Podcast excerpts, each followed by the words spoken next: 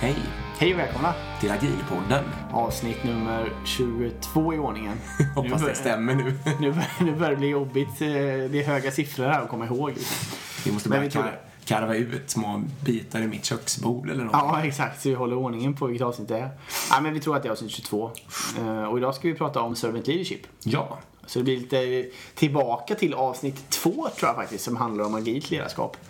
Eh, Ja. Men det här blir mer fokusering på servant leadership då. Vi har fått en sponsor så att eh, Agilpodden presenteras i samarbete med Informator Utbildning från Ja, otroligt roligt. Eh, Det innebär ju också att vi kommer kunna fortsätta den här podden en bra tid framöver. Eh, Och som sagt, informator, vad håller de på med då? Utbildning. Mm.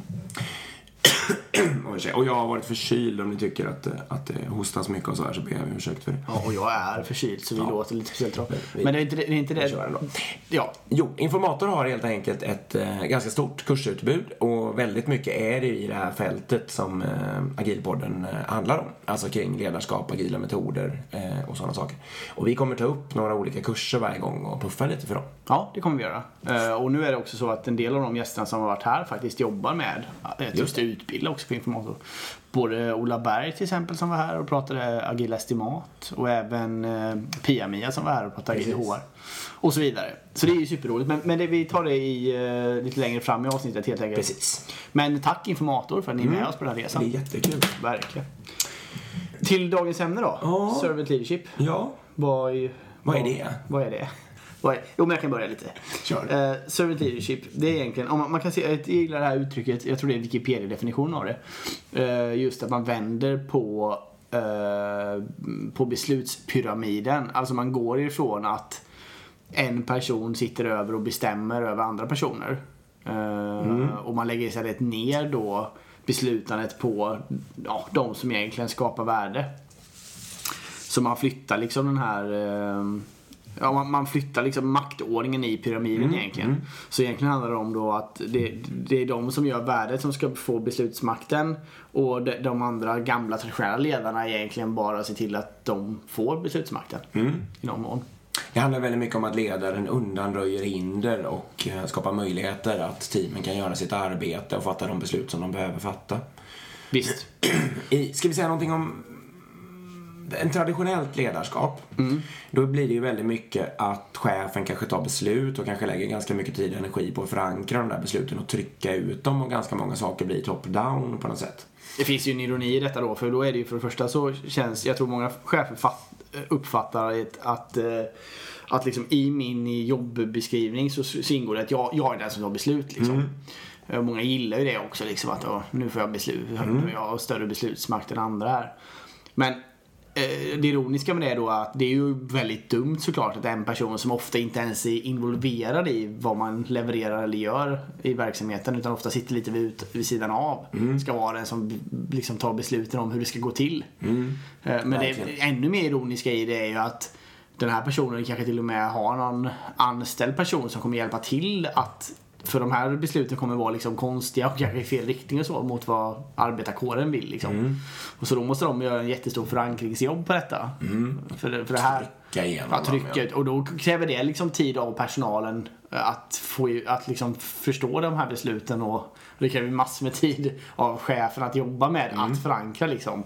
Så, så det där är ju väldigt, det, det, blir liksom någon form av definition av waste liksom. Verkligen. Eh, Det finns ju också någon slags gammal föreställning om att människor liksom lite att de är lata och gärna vill ha grejer och sådär.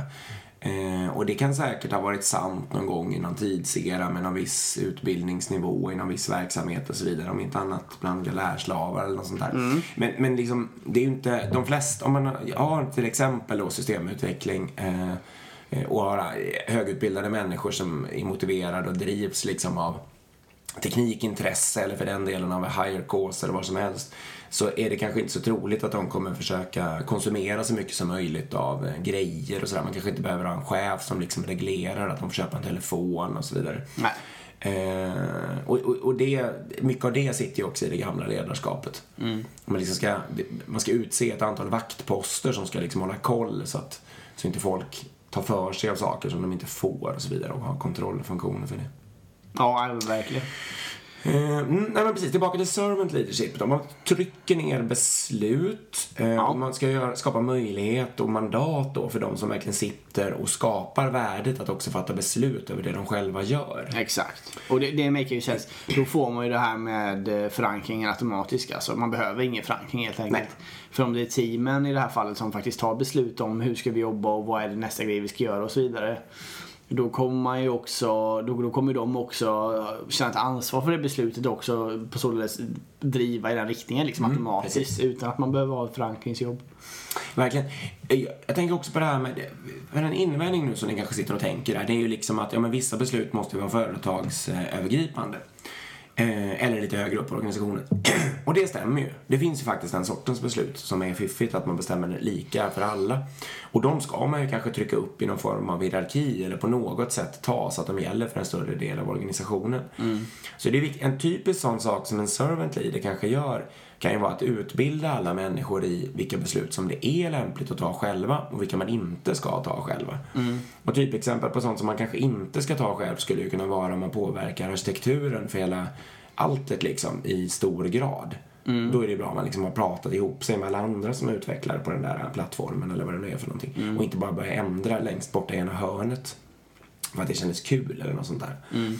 Eh, så liksom den, man behöver ju träna upp människor då i- i ett, det tankesättet och en sån mognad. Om man liksom ska byta backend-språk eller något sånt där. Och så, då kanske man, det kanske är bra om alla håller sig till samma till exempel. Ja men det är okej. Eh, vad gör en servant leader mer då? Det rimmar ju ganska väl med en vanlig chef, liksom traditionell chef också såklart. Men, men Jag, jag kan dra något. ja, gör det. Eh, en, jag, tyck, jag tycker i alla fall att en servant leader ska hålla, eller hjälpa till att hålla vision och såna här saker. Och det är klart att man kan ha, om vi hoppar en sekund till det här med, eh, man kan, det här har vi pratat om förut tror jag i, i samarbete med organisation, samband med en organisation, kanske till och med förra avsnittet. Man kan urskilja liksom att det kan behövas ett produktägande ledarskap. Det skulle då typiskt kunna vara produktägare och chief product owners och sånt där. Det kanske behövs ett processägande liksom. Det kan vara en scrum master eller något sånt där. Någon som liksom smörjer det maskineriet. Och det kan behövas någon form av kompetensledarskap. Alltså någon som anställer eller, eller coachar eller håller utvecklingssamtal och sånt. Och där kan man ju då hitta sin egen organisations liksom blandning av vem som gör vad. Eh, om man då pratar om att hålla vision så tycker jag att det behöver finnas en vision för produkten förstås. Och det är ju det produktägande ledarskapet som jobbar med den. Men det behöver kanske också finnas en vision liksom mer för vart firman ska, alltså vilka, om man ska öppna ett kontor i någon viss stad av någon viss anledning. Om man liksom ska bredda sig till en ny bransch. Alltså det finns ju massa sådana där saker. Och det är ju fortfarande, det är ju förstås en traditionell ledares uppgift också. Men det är ju verkligen en servant leaders eh, arbetsuppgift att hålla på och jobba med det där och liksom peka i riktningen och så tycker jag. Ja, men det, det är väl bra. Jättebra poäng. Verkligen. Det tycker jag är viktigt. Supporta teamens commit då? Ja. Det är intressant och den tog vi när vi läste. Det finns ganska mycket att läsa om servant leadership i Safe faktiskt. Nu har inte vi pratat gott om Safe här innan. Men om man väl borrar ner sig i de olika delarna av Safe så finns det såklart guldkorn. Eh, Får säga något om safe bara? Ja. Vi är ju inte emot safe, utan vi är emot Nej. det som det oftast leder till när lite högre chefer ska implementera safe. det är sant. För att vara tydliga. Ja. Sen har vi inte jättemycket för Safe heller i dess renhet Safe. Men, Nej, men, men det men, det finns bra grejer, Ja, absolut. Och det sa Jan Grape när han var här också, kommer jag ihåg. Att det finns Precis. väldigt mycket och det finns lyckade exempel med Safe också. Men okej, okay, nog om Safe. Men, men eh, precis. Men, men det handlar väl mycket om att, för mig är det så i alla fall, eh, nu när jag har haft en ledarroll eller en chefsroll i organisationen. Att för mig handlar det jättemycket om att sätta utvecklingsteamen i fokus. Det är de som är vårt centrum, för det är där värde skapas. Ja. Och sen måste man se de eh, andra liksom, funktionerna eh, som en stödfunktion till att teamet ska kunna leverera. Och så ser det ofta inte ut om man tittar i ett organisationsschema. eh, Så, så liksom ett utvecklingsteam kanske inte ens finns i ett, i ett organisationsschema. Och om de gör det så är de längst ner någonstans under någon chef. Liksom. Eh, För mig är det precis tvärtom egentligen. Jag skulle vilja måla om det där och säga att det är utvecklingsteamet som är högst upp och sen så bygger man en organisation neråt liksom för att stötta dem då va. Eller kanske möjligtvis teamet i mitten mitten och så är går det ringar ut på något sätt. Ja, kanske det. Ja. Ja. Det var i och för sig en bra Vi kanske ska göra någon sån alternativ organisationsskiss faktiskt. Mm. Eh, men, eh, men, men och då blir det ju liksom att okej, då, då handlar det om att om teamen, eh, just det här med commit då, Mm. att om, om eh, om om teamen är i mitten och de bestämmer sig för att nej men det här är det vi vill göra den här sprinten och det är det här vi kommer committa till. Då är det ju väldigt viktigt att som chef inte gå in och hålla på och detaljstyra det där. Utan det handlar ju om att fullt ut supporta teamets beslut liksom. Eh, och man måste ju då se till att att teamet gör rätt. Fast du kanske tycker att det är fel liksom, så har ju inte du alla kunskaper och det som teamet har. Liksom. Så det, det kräver ju ändå en del såklart av chefer, speciellt i en traditionell värld, att börja göra det här. För det kräver lite mod liksom. Eh, Men, men det är ju ofta också väldigt bra resultat. Och sen får man ju, ja, och det är ju det du är inne på, man får ställa sig bakom sen och supporta teamet och försöka nå den där committen även om det verkar helt omöjligt till exempel. Det är ju kanske en sak som ofta kan hända. Eh, jag tycker, om vi ska ha en annan take på samma sak så tycker jag att det är okej att vad ska man säga, det kan vara typiskt en servant leaders eh, uppgift att titta i backspegeln och påminna teamet. Alltså hur gick det senast ni committade på den här nivån?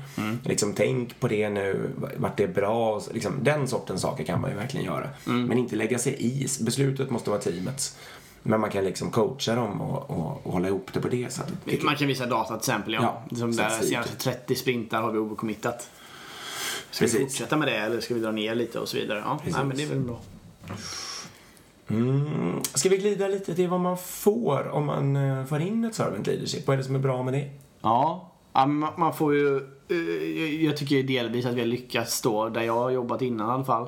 Där vi jobbade innan. Ja, där vi har jobbat båda två innan ja. Eh, och, och det är ju, man får liksom, för det första får man personal som stannar och vill vara kvar liksom. Ja. Man, får, man får ett en- engagemang också. det får man verkligen.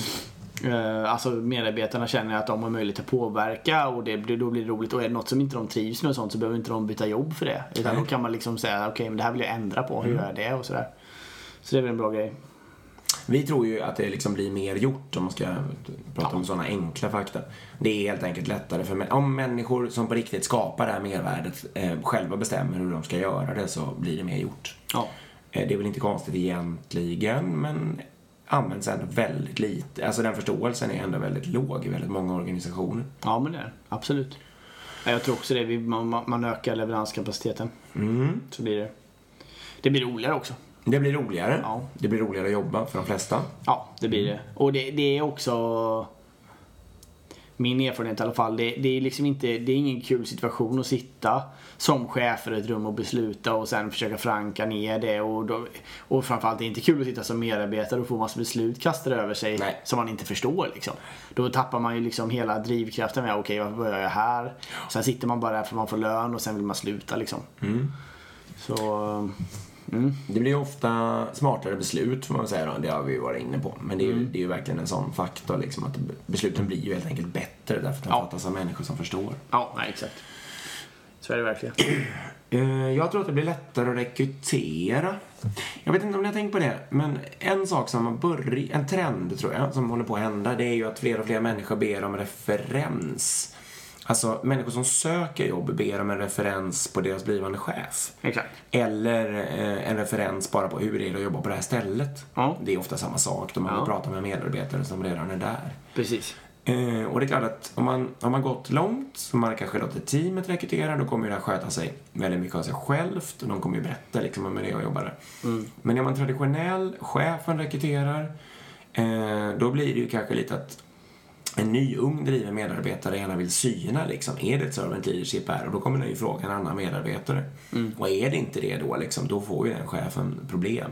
Det- kommer inte gå att ljuga liksom. Nej, nej men så är det verkligen.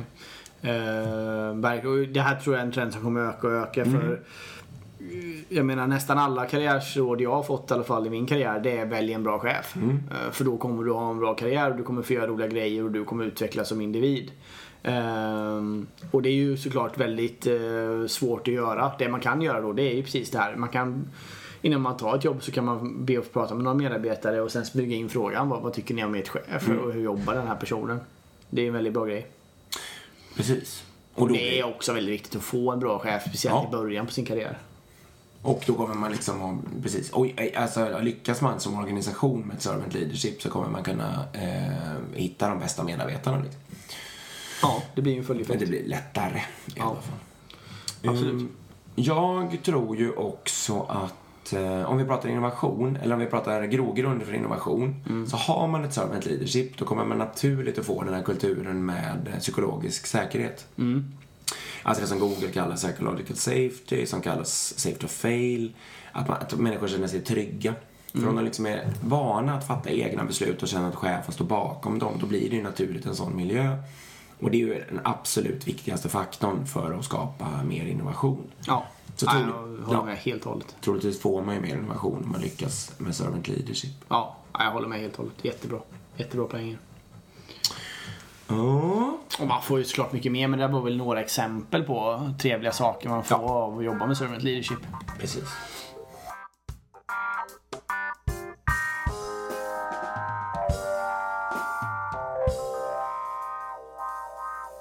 Sen är frågan, hur, hur, hur eh, får vi ut det här nu då? Ja, ska Hur- vi ta från och till-listan kanske? Ska vi göra, okej, vi börjar där. Ja, lite bara för att... eh, Så här, vad, vad, om, om man bara ska jämföra eller få någon slags sån. Ja, och från och till-lista, vad är det undrar ni då? Jo, det är ju precis det här som är i manifestet egentligen.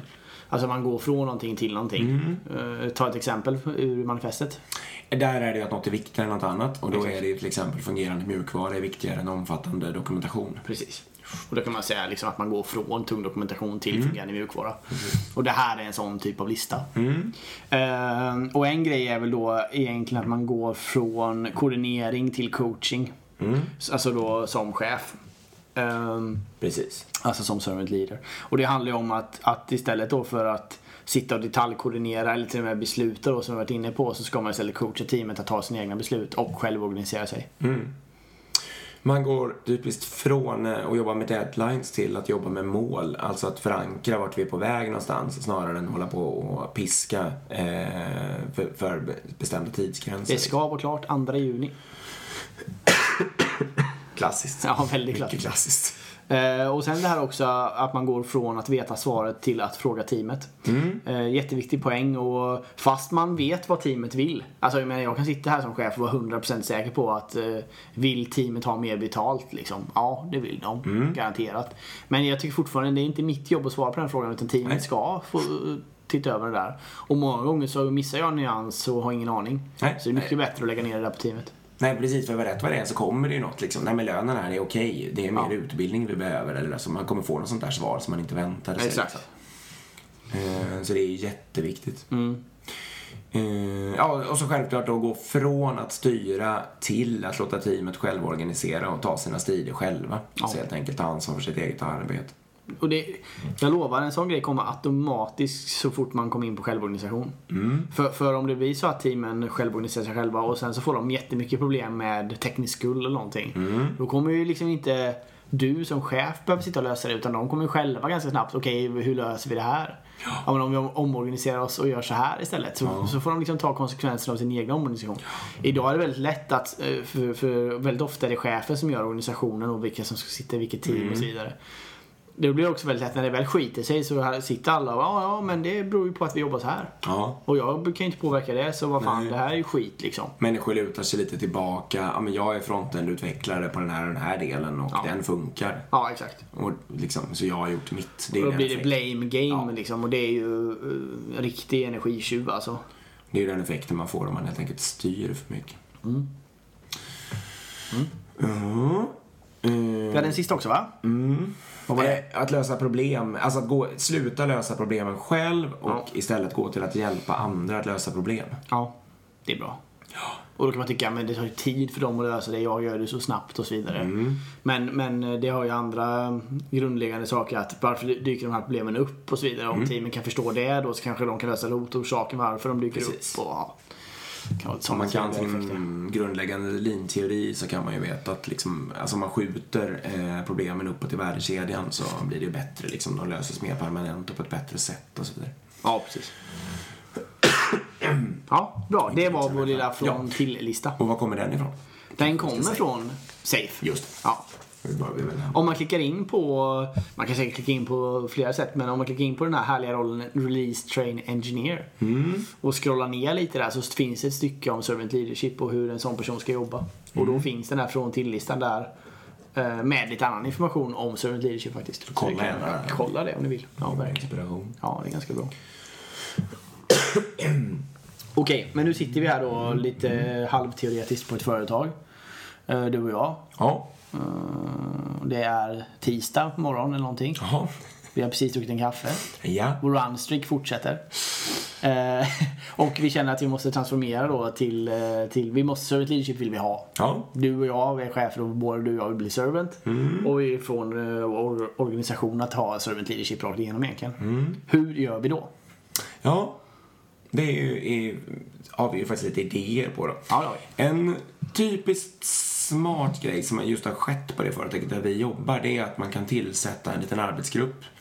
Eh, troligtvis inte peka då med hela handen, utan låta människor eh, söka till den här gruppen. Så skriva någonting, liksom en liten, en liten annons av något slag om vad man vill ha ut. Eh, och sen så låta de som är mest intresserade av de här ledarskapsfrågorna eh, höra av sig.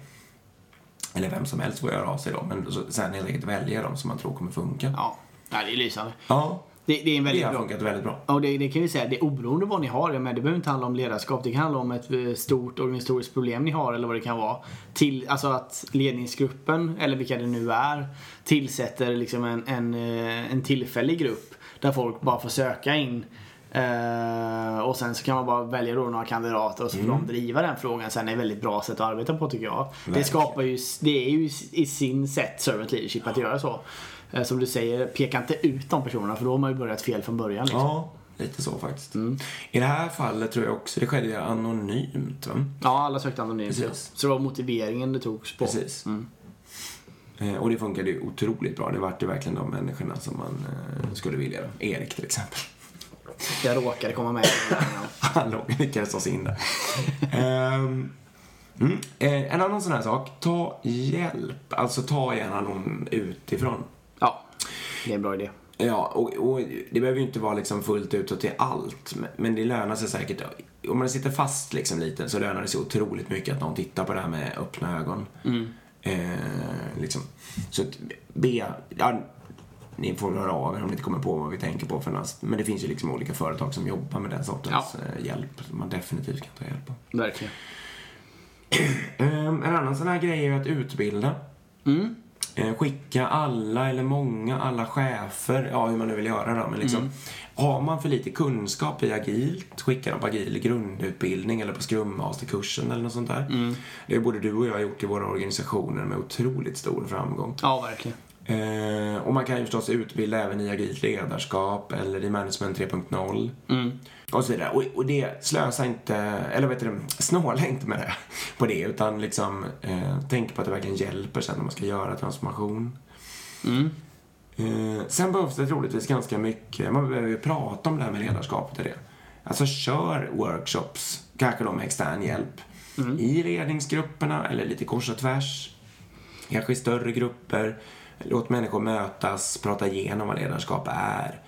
Och lyssna på medarbetarna och så vidare även där liksom. Mm, och det är väl bra. Vi kan komma tillbaka till den. För där har du ju faktiskt gjort någonting Ja. som vi har lärt oss i podden. Precis. Och det var, jag kommer inte ihåg, jo, det var från Agila Sverige tror jag vi lärde oss det. Men då var, vi återkopplar till det. det. Det vi lärde oss där var att som eh, idé som i en organisation, det är att man låter alla medarbetare eh, ge betyg till alla chefer man har ovanför sig Precis. Mm. hela vägen upp egentligen. Eh, och sen då så har man egentligen bara två frågor. Och frågan är varför sätter du inte lägre betyg och varför sätter du inte högre? Precis. Så då får man automatisk feedback. Och sen rullar man ut. Och det här har du gjort i din organisation. Ja, precis. Eh, så att helt, jag tror grundfrågan är how do you rate the leadership of och så då namn Dick till exempel. Eh, och sen är eh, precis som Erik säger, varför inte högre, varför inte lägre? Nej, och det var ju otroligt intressant. Det var och det satte jag någon gång i juni tror jag och lovade att jag skulle göra. Så det, och det tog en liten stund så, men nu har det i alla fall blivit av. det är bra. Eh, och jag kanske har, jag skickar ut det till de anställda i min organisation och det kanske är ungefär 90 personer. Och knappt hälften har svarat då. Mm. Det var faktiskt förvånansvärt svårt att få ett svarsengagemang. Konstigt i och med att det är bara en fråga. Ja. Väldigt lätt. Kan man tycka. Men jag tror att många, jag, vet, jag gissar att folk tyckte motivationsdelen av det hela var Ja, att jobbig. jag tar emot lite. Liksom, Ja. precis. eh, och då har det blivit lite olika. Så vissa chefer har ju fått väldigt, väldigt få svarande och då kanske resultatet inte blir så värdefullt. Mm. jag som ju då är tredje linjens chef i det här har fått alla 30, ja, 37 svar eller sånt där har jag fått. Eh, jag har ju verkligen fått en, en, liksom, en rejäl skopa av ett superintressant feedback. Både på sånt, alltså det, det, jag verkligen märker vad de uppfattar som jag gör bra, men även sånt som jag verkligen uppenbarligen kan förbättra.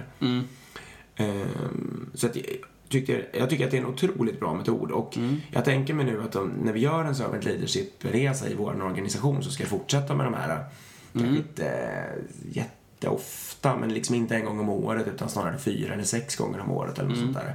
Eh, för att se om det utvecklas på något sätt åt något håll liksom.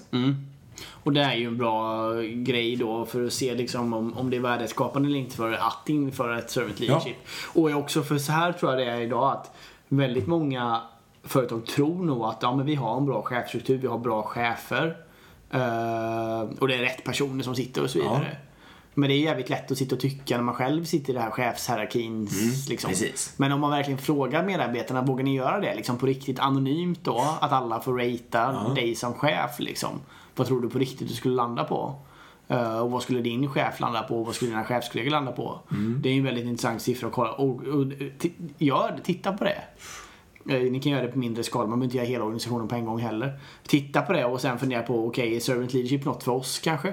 För att ändra det här, eller är vi nöjda? Jag menar om ni får 9 av 10 så är det väl fine, då är det väl bara att fortsätta som ni gör. Liksom. Ja, precis.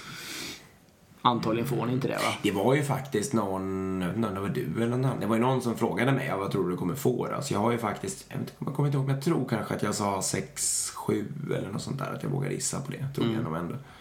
Eh, det här är ju en 10-gradig skala och nu kommer jag inte ens ihåg vad jag fick. Men det var ju Tre va? Tre?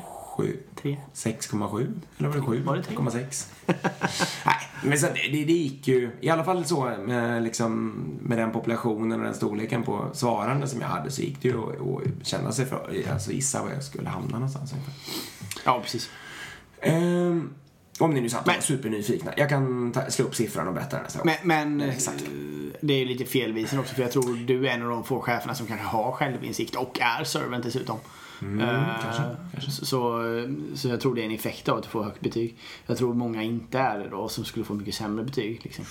Kanske. Det är ju inte superhögt heller, men, eh, men, men, ja, men det, Nej. det, värdet, det ska vara Det är otroligt intressant att få siffran. Men det stora värdet är ju alla de här eh, kommentarerna liksom till varför fick jag inte högre, varför fick jag inte lägre. Mm, det är klart. Verkligen. Mm. Ehm, jag, jag funderar också lite på det här, eh, jag tror, många som ska göra såna här saker får ju för sig att man ska göra det lite top-down så här. Eh, Börja uppifrån och workshoppar och så vidare. Och jag tror kanske att man kan börja top-down med själva viljan och intentionen i det här på något sätt. Det ska göra en resa mot ett servant leadership. Men sen tror jag kanske att man behöver ta tillvara på den kompetensen som finns där den finns. Man kan liksom inte tro, om man nu ska gå just mot servant leadership så är det kanske inte ens sannolikt att den finns på höga chefer. Nej. Eh, den kompetensen. Så då får man liksom ta tillvara på de medarbetare som är intresserade och drivna eh, och de lägre chefer som är det också. Och, och liksom skapa strukturer med seminarier och workshops där människor kan coacha människor oavsett var man råkar befinna sig i hierarkin. Precis. Eh, Och det är en bra tanke verkligen. Ja, och mycket riktigt också den här gruppen var ju en blandning av eh, chefer och icke-chefer. Ja. Nej men visst, och ledarskap är ju inte bara en chefsgrej utan Nej. det är, servant leadership ligger även utanför det. Verkligen. Så, så tänk på det. Inte strikt top-down utrullning. Nej. för det här. Verkligen inte. Eh, ordet utrullning tycker jag inte är illa. Ja, Det gillar jag ju aldrig, men inte i det här sammanhanget heller. eh, jo, och om ni bestämmer er för att göra en sån här resa eller bara känna att det är ett servant leadership eh, som gäller, börja då att, eh, eller liksom sluta rekrytera andra människor också. Sk- liksom skriv in servant leadership i alla annonser, förklara att det är det ni är ute efter. Se till att alla som liksom kommer in, bland annat, att det är en merit, att, att man liksom har en servant leadership approach. Ja, ja, men det är en bra grej. Och det, det kräver ju då i sin tur att någon som rekryterar förstår tillräckligt mycket för att kunna rekrytera. Men då får man ju liksom, den som ska rekrytera får helt enkelt sätta sig in i det här och lära sig. Ja, exakt. Det är ju viktigt då. Ja. Det var det, det var det jag ville komma till också. Ja, Att, eh, stod det där. ja, det är okej.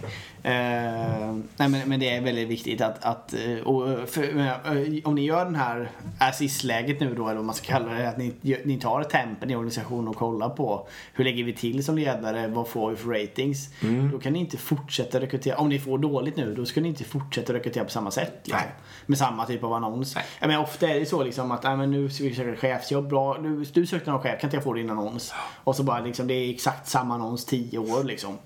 Eh, Utvecklas inte så mycket. Så, så se till att ändra det där helt upp och ner och skriv in servant leadership som ett eh, absolut grundkrav för att eh, få jobb. Mm. Jag gjorde ju en sån annons eh, i vår organisation som nu har börjat vandra runt. Ja, nu Men det känns ju då lite bättre att det är den som vandrar runt och inte de andra gamla. Verkligen. Ska vi släppa det med hur, hur man gör transformationen? Nu har ni fått lite idéer. Ja, visst. En verktygslåda. Visst. Eh, workshops, använd alla, kör feedbackenkäter, eh, tillsätt en arbetsgrupp, ta hjälp utifrån, satsa på utbildning. Det är väl ungefär de. Mm. Supersnabbt sammanfattat. Vad händer sen då om man bara ska framtidsspana lite? Om man liksom hamnar i en servant leadership-kultur med... Ja, det är ju liksom första vägen mot chefslöshet i någon mån, anser Ja. jag. För det blir ju så, för jag menar, det blir ju att om ni tänker nu att vi har fyra, fem utvecklingsteam och så har ni två chefer som ansvarar för dem. Beslutet, rekrytering, eh, de är självorganiserade, allt ligger på teamen liksom.